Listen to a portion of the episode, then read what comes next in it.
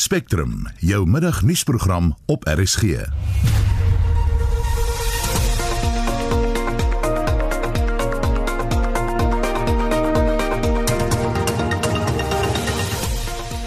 in die program nuwe parlementêre reëls om ministers vas te vat wat nie hulle werk doen nie.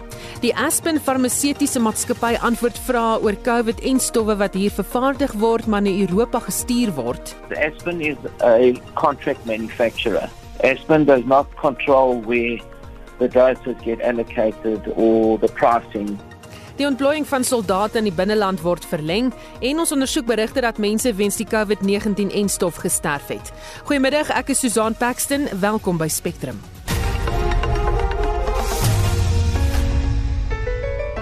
In Dinsdag 17 Augustus se RSG Kuns gesels Frank Opperman oor sy produksie Steeds Donkie. Die aktrise Liz Meyering vertel my van haar eenvrou vertoning Die Weduwee se Champagne. Ons kuier saam met die aktrise Denise Newman en die Klein Karoo Nasionale Kunstefees se virtuele galery het weer geopen. Die jaar met 6 uitstallings. Dis RSG Kuns. Dinsdag aand is in 8 en 9 saam met my Christel Webber.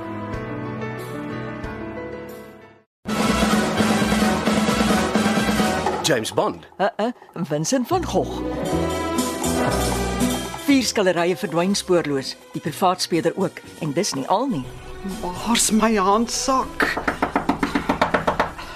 Uh, uh, wat wil julle hê? Gaan weg! Nee! Is jy seker dis RSG se nuwe middagvervolgverhaal? Vra die skrywer Lido Bell en die regisseur Betty Kemp. My naam is Vincent binnekort.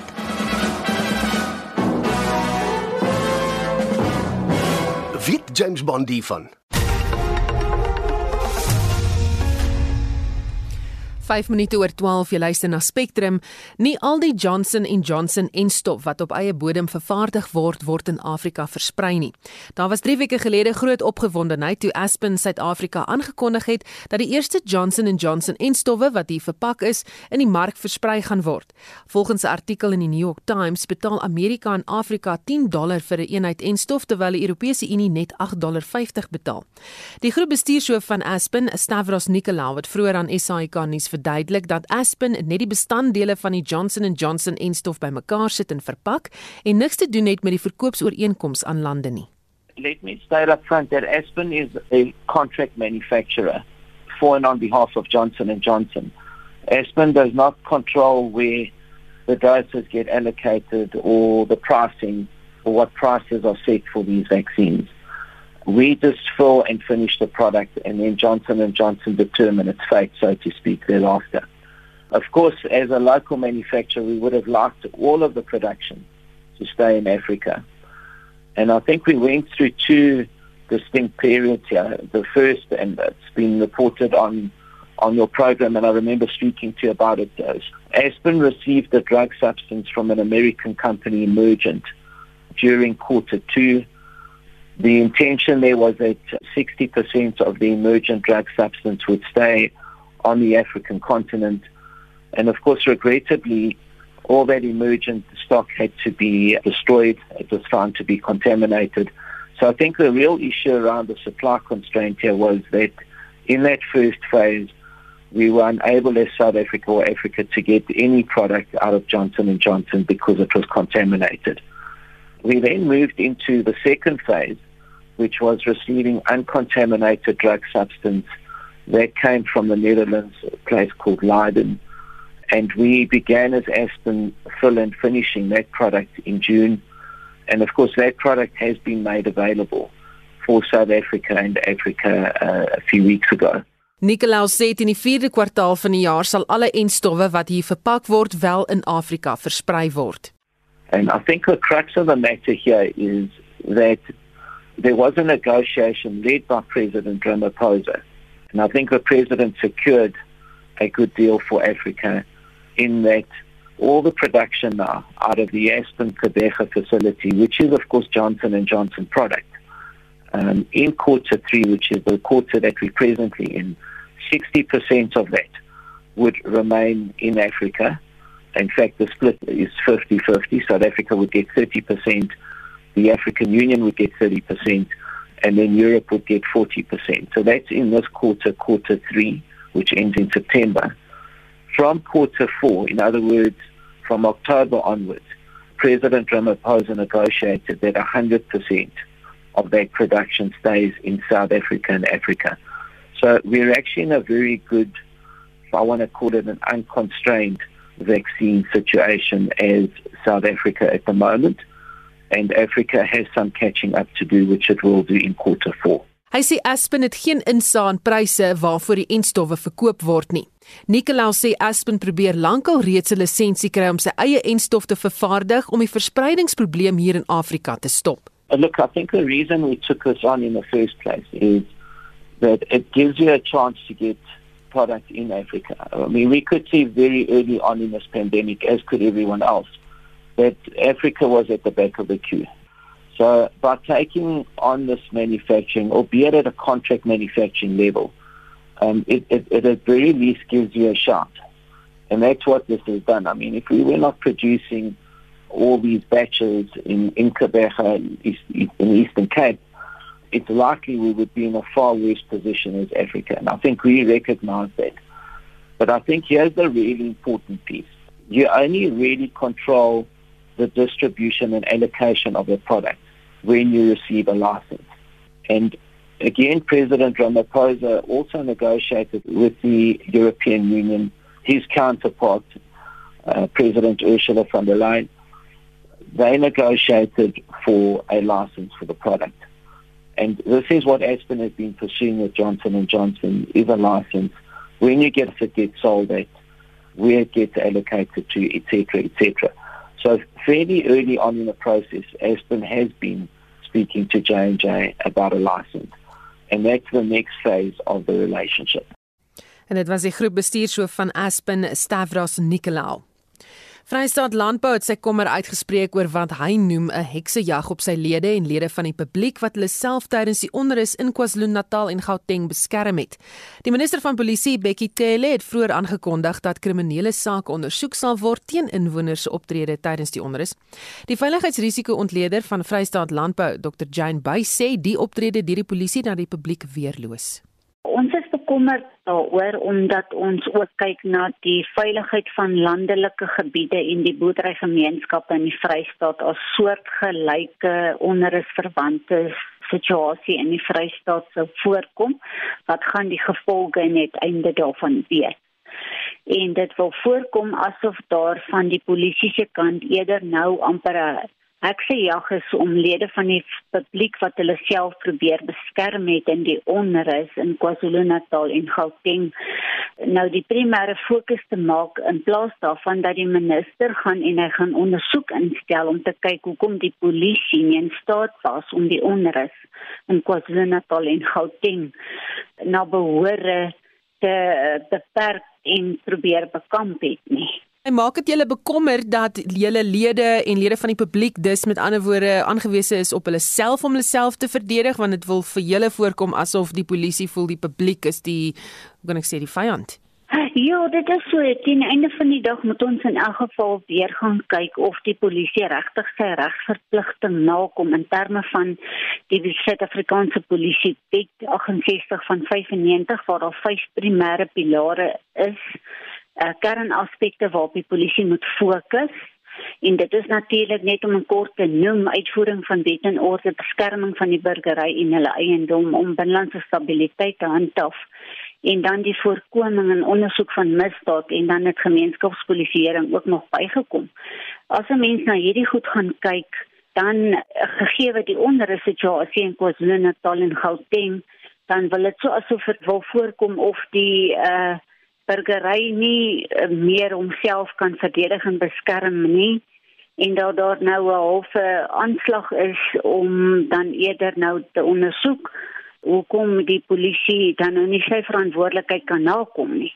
So dis vir ons ook in terme van die landelike beveiligingsstrategie 'n baie groot bron van kommer want die agt pilare van die landelike hersiende landelike beveiligingsstrategie fokus die eerste 3 van hulle primêr daarop op die kapasiteit van die polisie in terme van hulle logistieke vermoëns hulle toerusting, hulle mannekrag nou in in hakies nou gegee gesê ook vuurwapens en ammunisie wat beskikbaar moet wees vir hulle om hulle mandaat uit te voer. En dit lyk asof dan uh, gegee word die onderste situasie dit baie ver te kort skiet om uh algemene die algemene publiek en gemeenskappe in besonder en dan na vir ons verwys spesifiek na boerderygemeenskappe dan te beskerm teen verhoogde kriminaliteit en onrus. Wat sou julle graag al wou gesien het met hierdie ondersoeke? Uh, die ondersoeke moet intedeel daarop gefokus wees om te gaan en te gaan kyk hoekom die polisie nie in staat is om sy mandaat uit te voer nie en uh, gegeewe wat hom verhoed om dan ondersverwante situasies na behore te voorkom en om dit vir die publiek en vir gemeenskappe nie net self aangewese te maak om na hulle eie veiligheid om te sien nie. Die feit van die saak is ook dat dit moet weer eens die polisie moet gaan in diepte ondersoek instel oor wat hulle verhoed om dan hulle mandaat uit te voer en uh, om om die publiek en die gemeenskappe na wense te beskerm. En dit was die veiligheidsrisiko ontleder van Vrystaat Landbou Dr Jane Buys. President Cyril Ramaphosa het die ontplooiing van 10000 soldate in die binneland met nog 'n maand verleng tot die 13de September. Die ontplooiing het aanvanklik gevolg na die onrus verlede maand in KwaZulu-Natal en Gauteng.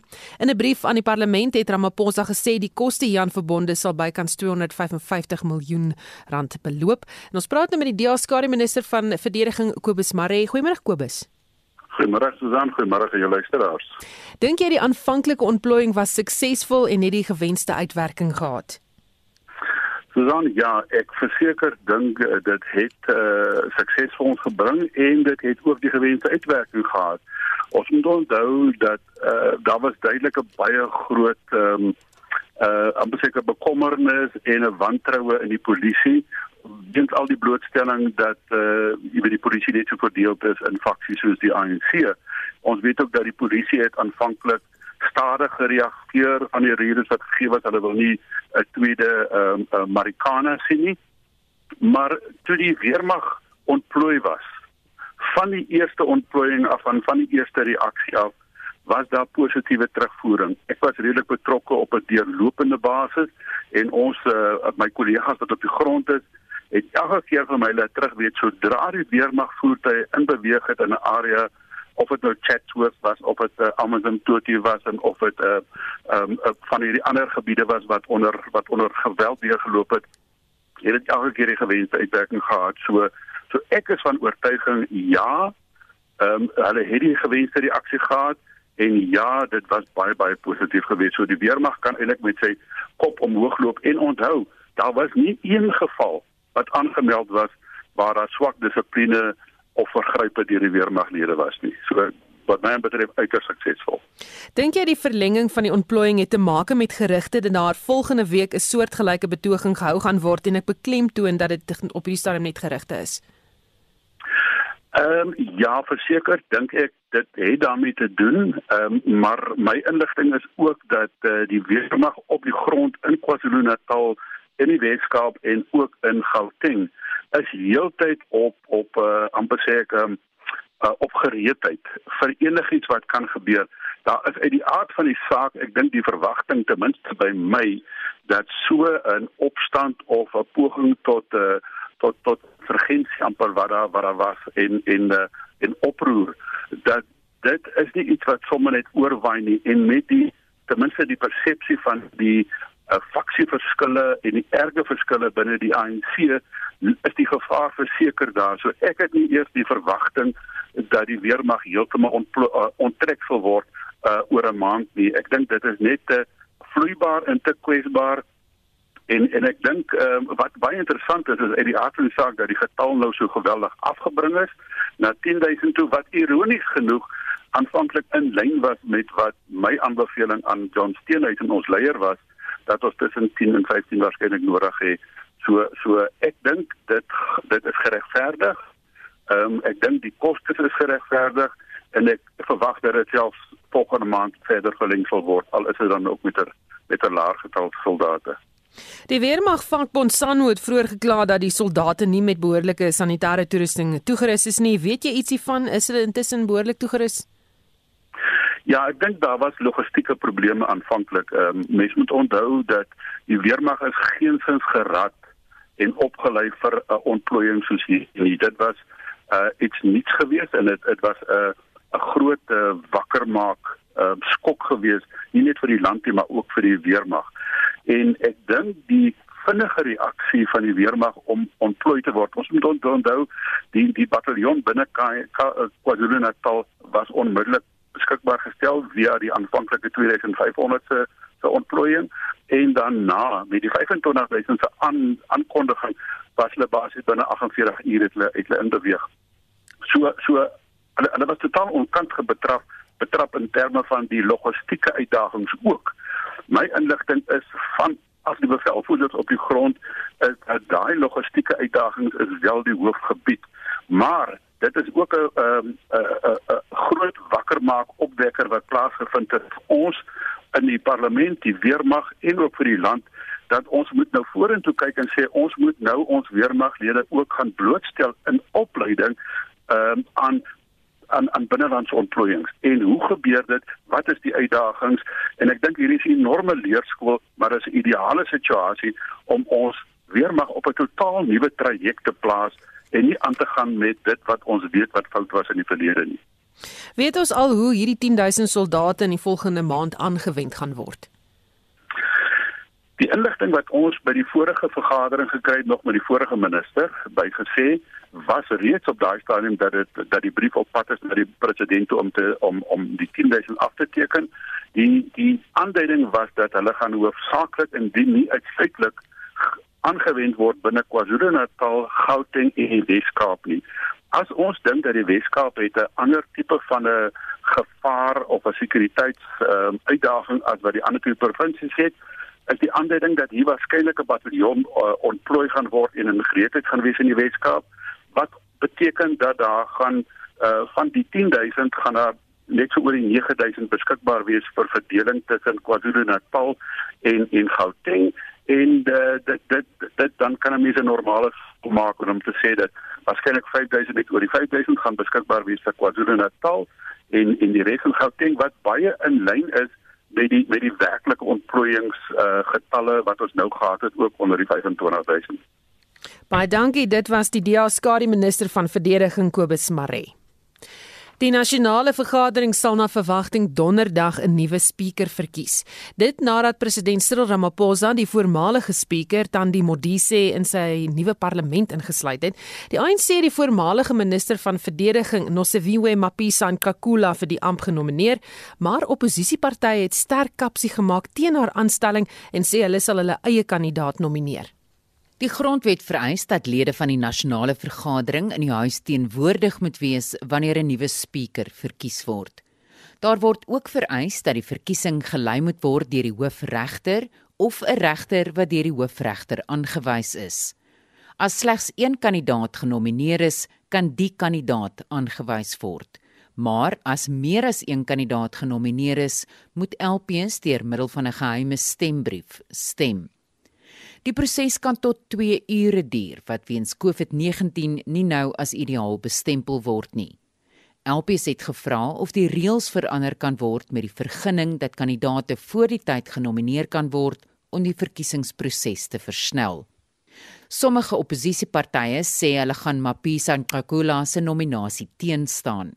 Hier is die DA en Vryheidsfront Plus se hoofsweepe in die parlement, Natasha Mazone en Dr Corneil Mulder there will definitely be a contestation for the position of Speaker. And I think that uh, we would be naive not to realize that. I think the chances that we will have an election uh, and not one nomination only, I would say is about 110%, that we will definitely have an election. So, as far as I'm concerned, the, the uh, staff can prepare for an election. Ten spyte van moontlike teenkanting van die oppositie, staan Mapisa Nkakula gereed om verkies te word vanweë die ANC se meerderheidssetels in die nasionale vergadering. Die verslag is saamgestel deur Zelin Merrington in die parlement en ek is Estie de Klerk vir SAK nuus. Die parlement is in die proses om minstens of eerder ministers wat nie vra in die nasionale vergadering beantwoord nie of lank neem om daarop te reageer verantwoordbaar te hou. Die nasionale vergadering se reëls bepaal dat ministers vra binne 10 dae moet beantwoord. En ons praat nou hieroor met die politieke ontleder Jan Jan Jubber. Goeiemôre Jan Jan. Goeiemiddag, um Susan, goeiemiddag aan die luisteraars en met dit dat Dr Mulder nou amper beter Engels praat as Natasha Mazoni, gaan ek vir jou sê op daai belofte van die parlement om ministers verantwoordbaar te hou en pigs may fly. Um ek glo dit nie vir 'n halwe sekonde nie. Ons is besig met nuutskepings hierso op uh jy weet RSG saam met die VAT so as jy dalk in dit in Afrikaans kan verstaal dan gaan dit baie lekker werk. Dis my vrokpertjie, dis my vrokpertjie vir die dag. Hmm. Sê vir my daar is op die oomblik 1767 vrae wat nog nie deur die ministers beantwoord is nie. In perspektief gesien is dit baie vrae. Um dis baie en dis nie so vreeslik baie as wat dit klink soort van nie. Um kyk wat mense vergeet is dat al word duisende en duisende en duisende vrae gevra in die parlement elke jaar. Veral vanaf die EFF bygekom het um is 'n geweldige toename in vrae omdat hulle hulle rol as oppositieparty binne die formele parlementêre opset eintlik baie ernstig opneem baie meer so as van die kleiner oppositiepartye.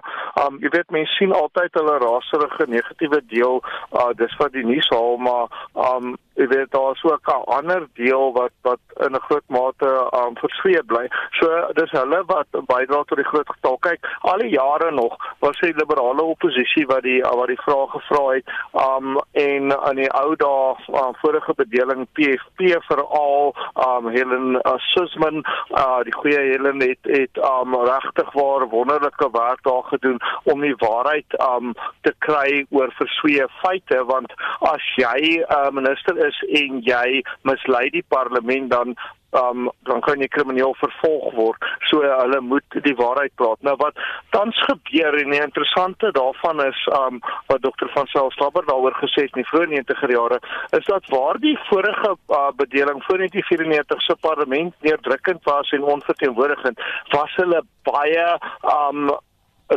responsief. Hulle het dadelik antwoorde gegee soos die reëls bepaal. Maar die ANC is ten eenemale met sy goeie en sy slegte aspekte 'n bitter swak regering, omdat daar net gewoon nie genoeg streng mense in die ANC is nie.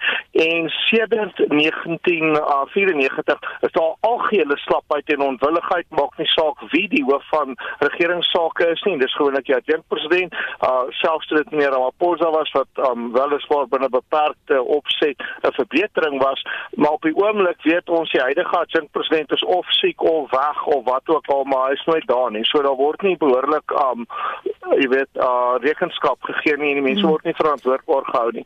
So ja, dit is baie vrae wat uitstaande is. Elke vraag wat uitstaande is eintlik 'n verskriklike oortreding, maar binne die totaal nie so erg nie en dan wil ek net byvoeg Susan dat daar spesifieke sondaars en um van die ministers is regtig baie goed om daai vrae korrek en binne tyd te beantwoord. Hulle kry nooit krediet nie want wie deesdae al die vrae deesdae in die universiteit wil ek doen maar niemand anders lyk like dit my nie. En um as jy kyk na die bestes wat ons het is Blyden Semandi um in hoër onderwys, dis Angie Motshekga in basiese onderwys en dis Bekkie Cele, die veelbesproke minister in polisie. En die interessantheid daar is dat hulle van die moeilikste vrae kry want daar is soveel duisende skole en um polisiestasies maar hulle gee daai antwoorde. Die swakste minister by verre en sy behoort eerder kaart te skaam en haar kop in 'n gat te druk is die minister van plaaslike regering Kossazana Dlamini Zuma wat gewoon nie verwerdig kan word om daardie um, aanspreeklikheid te om 'n vraag te beantwoord nie. Hmm. En sê gou vir my, uh, jy het nou net daaraan geraak, maar die adjunk president wat afwesig is, uh, jy weet, is dit die rede hoekom niemand oog hou oor wat met hierdie ministers gebeur, wat hulle doen en of hulle die vrae antwoord nie? Ja, dit speel 'n groot rol. Jy weet formeel is dit sy verantwoordelikheid. Maar um jy weet daai adjunkt president wat ons op die oomblik het, nee, Mabuza, jy weet die mens wens so half hy doen iets tot hy iets doen, dan wens hy doen niks. So is so half 'n verloor verloor situasie met daai ou. Hy moet nou maar in 'n stadium aanbeweeg, maar nou ja, um die die weer van die regering, enige regering wêreldwyd is mens duister in die geval van die ANC meer soos 'n um steegie as enigiets anders. Ek wil ook vir jou sê net aan aansluitend by die punte wat Natasha Mazoni en Dr. Corney Mulder nou nou in die rooi taal gemaak het. Um is dat um ek het geen hoop dat dinge gaan verbeter onder die nuwe spreker nie. Hierdie spreker is die swakste keuse denkbaar vir die parlement. Sy is totaal partydig en sy doen verkieslik so min moontlik. So um ek is 'n uh, jy weet dit um redelik positiewe persoon maar ek sal my totaal ongebalanseerd nie. En 'n mens moet reël. So nee, nie eers hierdie nuwe reëls gaan 'n verskil maak nie. Maar die reëls moet toegepas word, Susan. Ons land het fisiek baie reëls. En 'n um, partykeer word dit toegepas en dan kry jy so 'n halfe mate van brutaliteit. En dan dikwels word dit nie toegepas nie. Ek dink mense weet dit. En um, in hierdie geval, asseblief, die ANC sy slegte mense verantwoordbaar hou. Regtig, as jy kyk na um, wat gebeur het met hierdie um, wat ek uh, seker is 'n uh, uh, baie swak en uh, swak uitgevoerde en iets wat oorhaastige poging tot 'n staatsgreep was die anargie wat ons gehad het in Junie maand. Um is daar nou presies net my nie 'n enkele mens in daardie swak kabinet van ons wat um wat hulle werk verloor het nie. Ek meen Mapisa Nkakula gaan nou beter daaraan toe wees um as speaker en die ander ministers is rondgeskuif soos soos ek weet die vrugte slaai of soos soos um the chairs of the Titanic maar daar is nie so iets so straf in die ANC tensy jy teen die ANC gaan jy kan doen net wat jy wil solank jy nie teen die ANC gaan nie. En dan wat um wat die wat die parlement betref net 'n vinnige prentjie vir enige ondersteuners en lede van die binnegroep van meneer Ramaphosa wat luister is jy gek om iemand wat uh wrok teen die president sal hê op 'n manier deurdat sy uit die kabinet gelaat is nou as speaker aan te stel. As die grondwet van ons land sê as die um top leierskap van die land soort van buite aksie geplaas word dan ver, dan val die um die verantwoordelikheid van staatsregering in die finale instansie op die speaker. Dis ook hoekom die parlement buite die formele um uh, bevels uh struktuur van die polisie val hulle is net op uitnodiging daar. En um ook is die speaker die persoon wat die parlement kan byeenroep jy kan nooit 'n politieke opponent speaker maak nie. Dit is 'n resept vir 'n ramp. Miskien nie vandag nie miskien nie môre nie maar eendag nader as wat jy dink. Baie dankie. Ons het gepraat met die politieke joernalis en skrywer Jan Jan Jubber Spectrum jou middagnuusprogram op RSG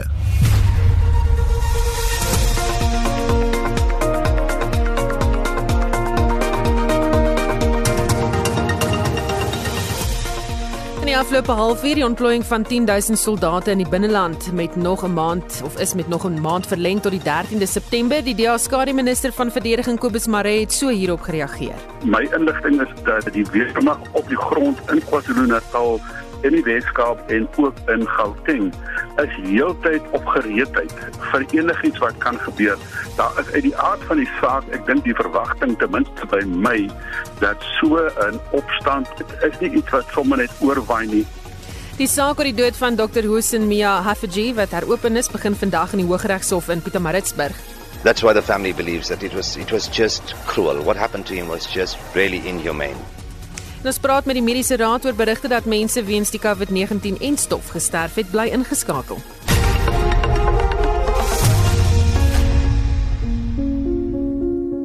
Helena van Blerk is die ma van 'n seun wat met skitsofrenie gediagnoseer is.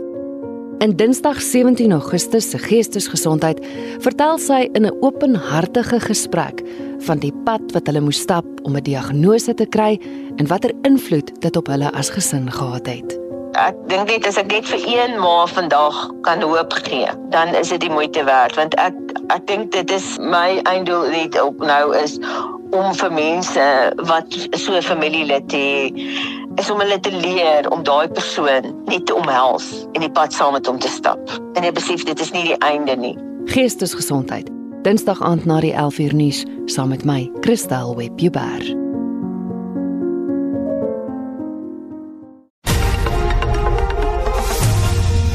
Daar is geen verkeer. In KwaZulu-Natal staan 'n voertuig op die N3 Oos by die Omlaas wisselaar in die linkerbaan. Daar was ook 'n botsing op die N2 Noord net na die Higginson deurpad regterbaan. Verskeie voertuie is daar betrokke. En uh, dan staan daar 'n voertuig op die N3 Oos by die Linfield Park wisselaar een baan toe. In die Wes-Kaap staan 'n vragmotor op die N1 stad in by Jip die Jager Rylaan en dit is jou verkeersnuus. Die AA vra opnuut dat die Gautengse regering dit oorweeg om planne vir die uitbreiding van die goudtrein tussen Johannesburg en Pretoria op te skort. Die organisasie meen die diens sal slegs 'n klein deel van die provinsie se bevolking bevoordeel en dat die huidige ekonomiese klimaat nie gunstig is vir so 'n projek nie. En vir sy mening hieroor praat ons nou met professor Jackie Walters, verbonde aan Universiteit Johannesburg se departement van vervoer en logistieke bestuur. Goeiemôre Jackie. Goeiemôre, hoe gaan dit? Met my gaan dit baie goed, maar die goudtrein wil sy netwerk vergroot wat oor algemeen seker 'n goeie ding is, maar watter gebiede poog hulle om in te sluit? Die gebiede is basies uh, wes van Johannesburg, na die sentrale gedeelte toe van Little Falls in die weste, oor Cosmos City omgewing, Randburg, Sandton en Marlborough. Dit is die suidrou van 32 km in fase 1 van die hele uitbreidingsprojek. Daar's 5 fases. Ehm um, So hierdie het 'n kleiner kleiner eers in die vyf fases. En hoe groot is die behoefte volgens jou om hierdie netwerk uit te brei? Ek dink dit is groot. Mens moet hierdie hierdie tipe projekte moet jy op die langer termyn kyk. Jy kan nie net uh, kort termyn sien net vir 1 of 2, 3 jaar is. Jy moet kyk na 15, 15, 20 jaar en hierdie westelike deel van Johannesburg, die daai noord noordwestelike deel van Johannesburg brei geweldig uit. En in die toekoms as jy plan in elk geval wat baie meer te verdig ook na lanseerde lughawe se kant toe. So ehm um, reeds wat hulle kort seker kan jy verdigting sien, grootskaalse verdigting en groot grootskaalse eerste kongestie op en dit kort seker in die oggende en die aande. En dan so, so van Randburg af na die van Middelburg Randburg af na Little Falls kant dit gaan geweldig uitbrei en dan is met plan maak om daai tipe verkeer te hanteer.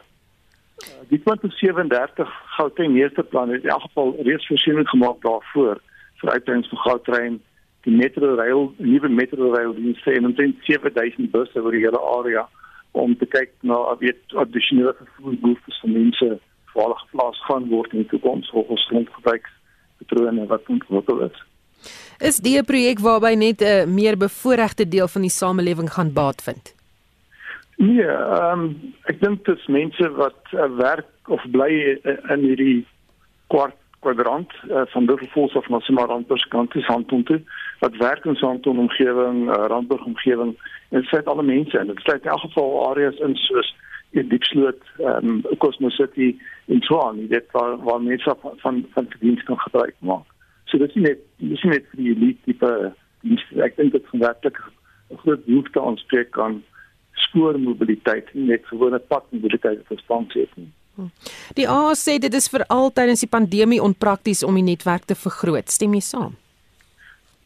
Nee, ek kan nie saamstem daarmee. Die pandemie is met ons en ons moet leer om te leef met die pandemie. Nie sien leer eh, lande soos Amerika en Engeland het reeds min of meer genormaliseer, maar mens moet leef daarmee. En Suid-Afrika gaan dieselfde situasie bereik in die volgende jaar of 2, 3 gaan ons uh, normaliteit bereik. Hooplik kry ons 'n jaar of vroeg volgende jaar en die ekonomie heeltemal oopmaak en dan gaan uh, dinge weer basies normaal begin raak. Dit mag nie verkeer weer normaal wees soos wat wat dit veel nog miskien onnormaal is, maar mens moet weer eens kyk. Jy kan net na een of twee jaar kyk wat die pandemie met ons is en dan verseker die toekoms. Jy moet langtermyn beplan en hierdie projekte het langtermyn aanlope soos ons dan kan sien uitvoerbare studies al 2018 begin. Ons het nou eers studie gekry in middel van 2021 en uh, tot al die goedkeurings goedgekeur het gekry is, mag dit nog 'n jaar of twee wees en dan miskien in 2024 kan ons begin beplan. Ons is lank by die pandemie verby.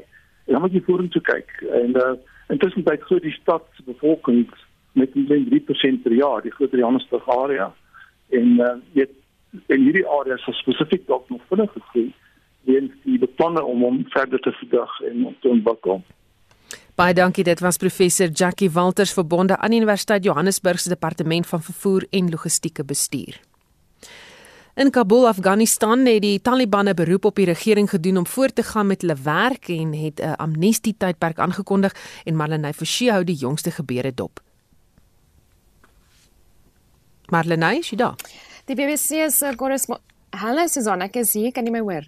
Ja, gaan maar voort. Mooi, goed. So die BBC se korrespondent in die verband, Emrashan Etrajan, sê dit wil voorkom of die Taliban poog om sy beeld te herstel. The prominent news channel Tolo News, they resumed their broadcast with a female anchor and she also interviewed a Taliban representative, which is quite unheard of, a history in the making. They would not, would not have allowed this 20 years ago. With regard to what the Taliban are you know, hoping to do in the coming hours or today and tomorrow is to assert their authority, you know, within Kabul and in the country. They, for example, I spoke to Suhail Shaheen yesterday. We had a long chat, and one of the things he was talking about was the formation of the government. They wanted to have what he described was an inclusive government. That doesn't, you know, give you more detail, but he wanted to have people from other sides. Second is about he also said the country needed a new constitution, which means the constitution which was framed in the last 20 years that's not going to stay there but he did not specify whether you know, Sharia law will replace. Uh, but he said this was done when the U.S. forces they were in Afghanistan, which he called as occupation. And uh, so the new constitution will be under a free Afghanistan. Daar word nou boonop vandag met die Russe samesprekings gehou oor die pad vorentoe en Rusland het vroeër gesê die Taliban sal help om orde te herstel in die land. Die groep se woordvoerder, Sohel Sahin, het boonop gister kontak gemaak met die BBC verslaggewer Yalda Kim toe sy op die lig was. Hy het gesê die stad se inwoners het niks om te vrees nie. Their properties, their lives are safe. There will be no revenge on anyone. Uh, we are the servant of the people and of this country. Our leadership have uh, uh, instructed our forces to remain at the gate of the Kabul, not to enter the city. Uh, we are awaiting a peaceful transfer of power. Maar nie almal is optimisties nie. Daar's heelwat kommer oor die toekoms van vroue in die land, veral te midde van onduidelikheid oor die Taliban se kommunikasie wat die handhawing van vroueregte betref. What sort of women rights are we talking about? The mobility rights, the socializing rights, their political rights, their representative rights, their voting rights. At the same time, what about women representation? How are women going to talk to the Taliban government? Why aren't there any women in your government to talk to the Afghan women? And apart from that, educational rights. If Afghan girls are going to go to school, can they uh, continue with their educational uh, curriculum? Or are they talking about, you know, just Islamic studies that every Afghan does anyways? So it's a lot of different vague and confusing statements coming from them, but they don't have any solid plan or they haven't said it up until now.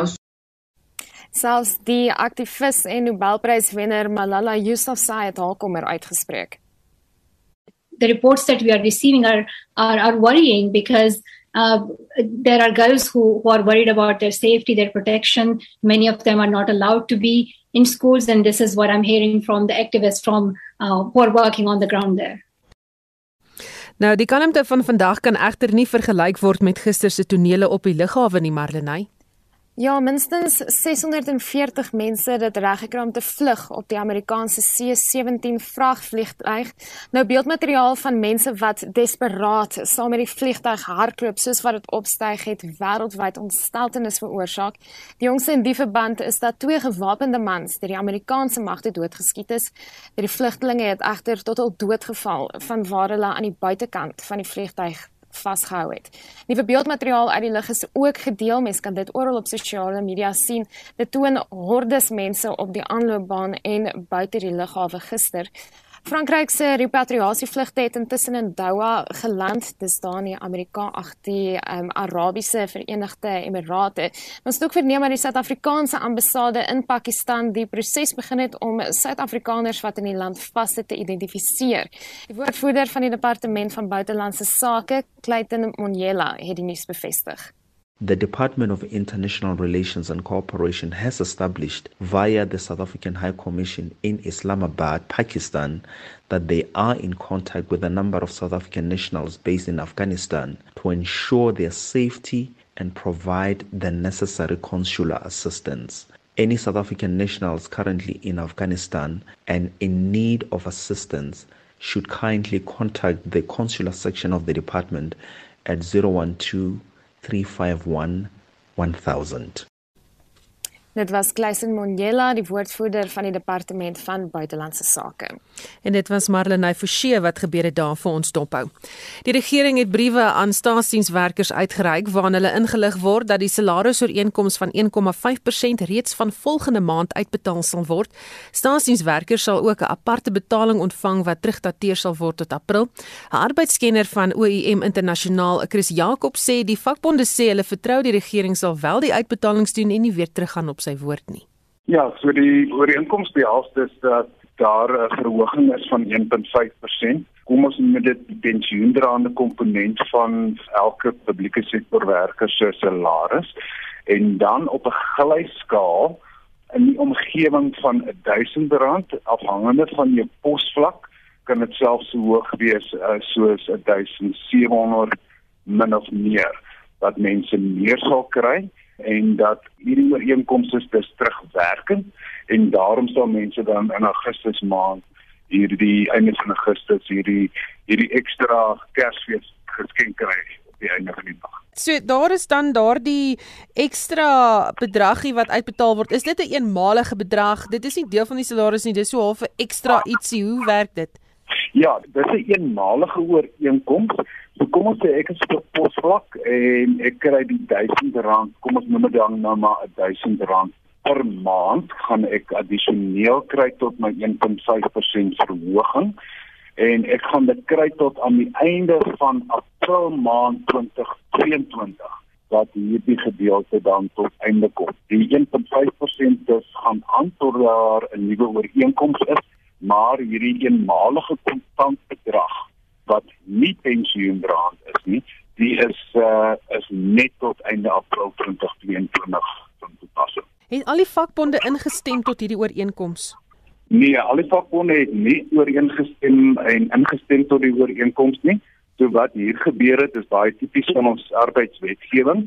As die meerderheid van die vakbonde ooreenkom dat dit is wat hulle ondersteun en en, en die saamstem dan word dit as 'n ooreenkoms geag en die vakbonde wat dan nie saamgestem het nie word deel van daardie ooreenkoms. Hulle het geen keuse anders as om deel van die ooreenkoms te word nie. En spite daarvan dat sommige van hulle nie saamgestem het nie en nou dat een of twee groot vakbonde wat nie saamgestem het nie, hulle is nou maar almal deel van hierdie ooreenkoms. So almal gaan hierdie betaling kry. Almal gaan hierdie betaling kry, so dit word uitgerol na alle werknemers binne in die publieke sektor en dit is vir almal dis dieselfde 1.5% en dan op 'n glyskaal 1000 plus vir afhangende van jou posvlak kan so hoog wees soos 1700. So die regering het briewe vir almal gestuur en gesê luister, julle gaan hierdie betaling ontvang aanstaande maand die 15de. Die vakbonde sê hulle hoop dit gebeur. Dis so half 'n siniese manier om dit te beskryf. Wat is die vertrouensverhouding tussen die vakbonde en die regering tans? Glad nie goed nie en dit kan uh, mense kan dit ook vergelyk met maar baie van die verhoudinge wat bestaan in ook in die privaat sektor waar die vakbonde en die werkgewer as en bestuursverteenwoordigend as as van die werkgewer is dit nie so so 'n uh, 'n uh, goeie vertrouensverhouding nie. Wat natuurlik baie jammer is want uh, in die afwesigheid van 'n goeie vertrouensverhouding is daar maar altyd ongelukkighede. So dit hoef nie noodwendig te wees dat elke ooreenkoms of nie ooreenkoms uitloop op 'n staking nie. Dit gaan ook oor mense se gesindhede agterna en of hulle voel hulle is uh, behoorlik vergoed vir dit wat hulle bydra. So ek dink tog wat ons wel sal sien is dat mense sal aanvaar dat hulle hierdie verhoging gekry het, hierdie 1.5% plus die 1000 plus rand, maar dat hulle nie noodwendig tevrede sal wees daarmee nie en dat veral van die Unie se kant af hulle nog steeds voel dat hulle het 'n 3 jaar ooreenkoms gehad met die staat of die regering en dat die staat en die regering dis teruggegaan het op hulle beloftes wat hulle gemaak het in die vorige ooreenkoms. Maar weer eens in die so hierdie geval moet mense kyk na wat is die ekonomiese perspektief waar binne die die staat hierdie besluit gemaak het. Dit was eenvoudig onbekostigbaar geweest. Ons land is in 'n ekonomiese krisis, almal weet dit en dit sou eenvoudig net nie werkbaar gewees het nie. Inteendeel, hierdie verhoging is 'n hele paar biljoen rand wat wat uh, uit die staatskas uit moet kom. En dit was die arbeidskenner van OIM Internasionaal Chris Jacobs. Berigte van mense wat weens die COVID-19-enstof gesterf het, doen steeds die ronde. Die Suid-Afrikaanse Reguleringsowerheid vir Gesondheidsprodukte, oftewel SAPRA, het in Julie begin om 28 voorvalle te ondersoek. Die gevalle is ook deur die Nasionale Departement van Gesondheid bevestig. Ons praat nou hieroor met die voorsteur van die Suid-Afrikaanse Mediese Vereniging, Dr. Angelique Kutse. Goeiemôre Angelique. Goeiemôre en goeiemôre aan al julle luisteraars daar buite. Het seker al 100 keer hierdie vraag moes antwoord, maar is daar 'n moontlikheid dat mense kan sterf weens die enstof? Ja, ehm um, jy kan waarskynlik sterf van weens die enstof, maar ons gaan dit eers moet gaan bewys.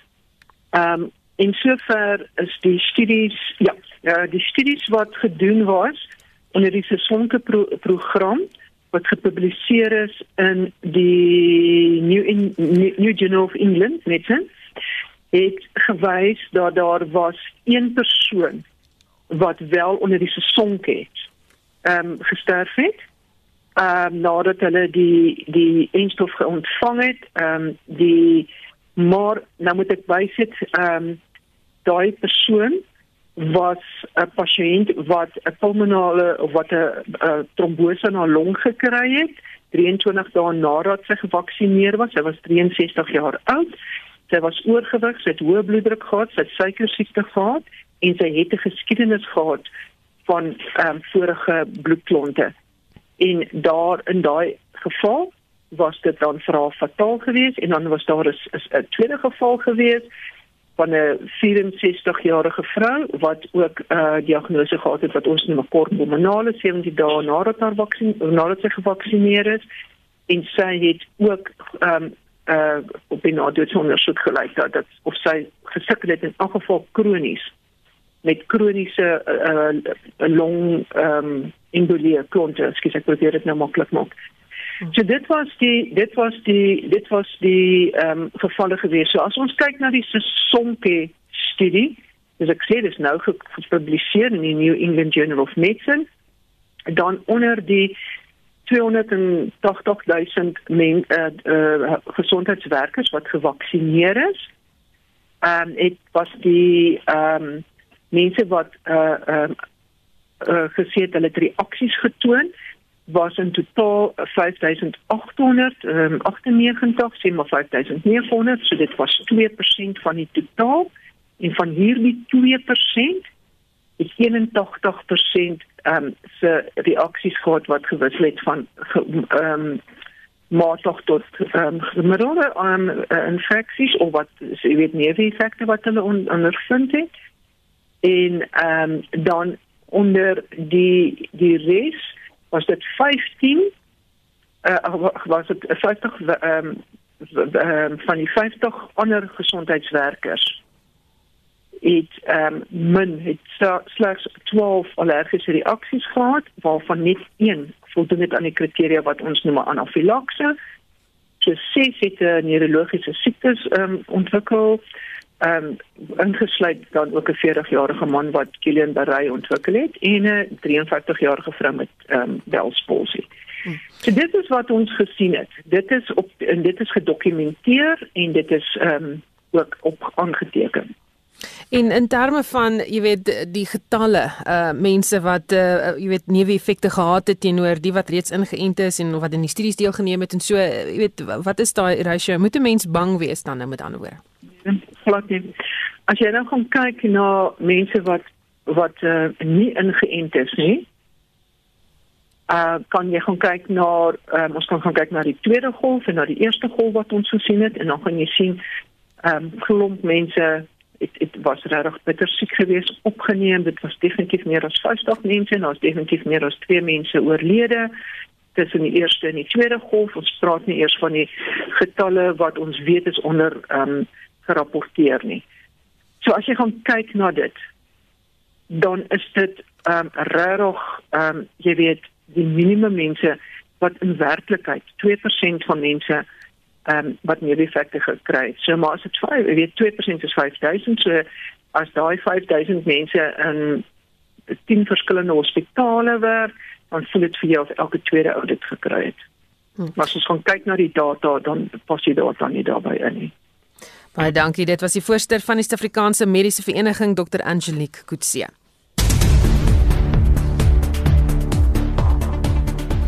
En Marlenae het vir ons 'n opsomming van ons hoofstories en nog ontwikkelende stories. Marlenae Nie al die Johnson & Johnson enstof wat op eie bodem vervaardig word, word in Afrika versprei nie. Die groep bestuurshoof van Aspen, Stavros Nikolaos, sê egter dat enstof wat hier verpak word, teen die 4de kwartaal van die jaar in Afrika versprei sal word. From October onwards, President Ramaphosa negotiated that 100% of their production stays in South Africa and Africa. So we're actually in a very good, I want to call it an unconstrained vaccine situation as South Africa at the moment. And Africa has some catching up to do, which it will do in quarter four. Vrystaat Landbou het sy kommer uitgespreek oor die polisie se optrede teen van sy lede en lede van die publiek wat hulle self tydens die onrus in KwaZulu-Natal en Gauteng beskerm het. Die veiligheidsrisiko ontleder van Vrystaat Landbou, Dr. Jane Buys. Dit wil voorkom asof daar van die polisie se kant eerder nou amper 'n jag is om lede van die publiek wat hulle self probeer beskerm het in die onrus in KwaZulu-Natal en Gauteng nou die primêre fokus te maak in plaas daarvan dat die minister gaan en hy gaan ondersoek instel om te kyk hoekom die polisie nie in staat was om die onrus in KwaZulu-Natal en Gauteng na behoore uh, beperk en probeer bekamp het nie. President Cyril Ramaphosa het die ontplooiing van 10000 soldate in die binneland met nog 'n maand verleng. Die DA-skare minister van verdediging Kobus Maree het as volg gereageer oor hul vordering sover. Die weermag kan eintlik met sy kop omhoog loop en onthou, al was nie een geval wat aangemeld was dat daar swak dissipline of vergrype deur die weermaglede was nie. My inligting is ook dat uh, die weermag op die grond in KwaZulu-Natal in die Weskaap en ook in Gauteng is heeltyd op op uh, amper sê ek um, uh, op gereedheid vir enigiets wat kan gebeur. Ons het intussen verneem dat die Suid-Afrikaanse ambassade in Pakistan die proses begin het om Suid-Afrikaners wat in Afghanistan vassit te identifiseer. Ons sou verwikkelinge daar dop. En oor so wat 'n uur of 'n halfuur kondig die Springbokke se afrigter Jacques Nienaber die name van sy span vir Saterdag se tweede kragmeting teen Argentinië aan. Die spanne pak mekaar in die Nelson Mandela Bay Stadion in Quebec. En dit was Marlene Forsie met daardie nuusopsomming. Die Britse sanger Ed Sheeran beplan glo om saam met uh, Danny Filth, die hoofsanger van die metalgroep Cradle of Filth te werk. Justin Kennedy het meer hieroor. Danny Filth is nie net die hoofsanger nie, maar ook die stigter van die groep. Hy het bevestig dat hy en Sheeran per e-pos met mekaar kommunikeer en selfs 'n kuiertjie beplan. Sheeran het glo 'n liefde vir sogenaamde death metal musiek. Daar is egter in die stadium geen inligting oor presies hoe die samewerking gaan geskied nie en aanhangers van beide kunstenaars wonder hoe die musiek gaan klink.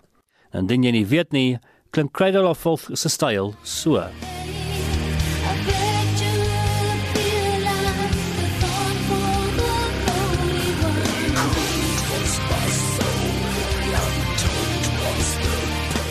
Albei kunstenaars is egter opgewonde oor die kans om saam te werk. Die opbrengste van die album sal aan liefdadigheid geskenk word. Ons sluit die berig af met iets wat sagter op die oor is. Hier is Ed Sheeran se Castle on the Hill. When I was 6 years old, I broke my leg. And I was running from my brother and his friends. Tasted the sweet perfume of the mountain grass I rolled down.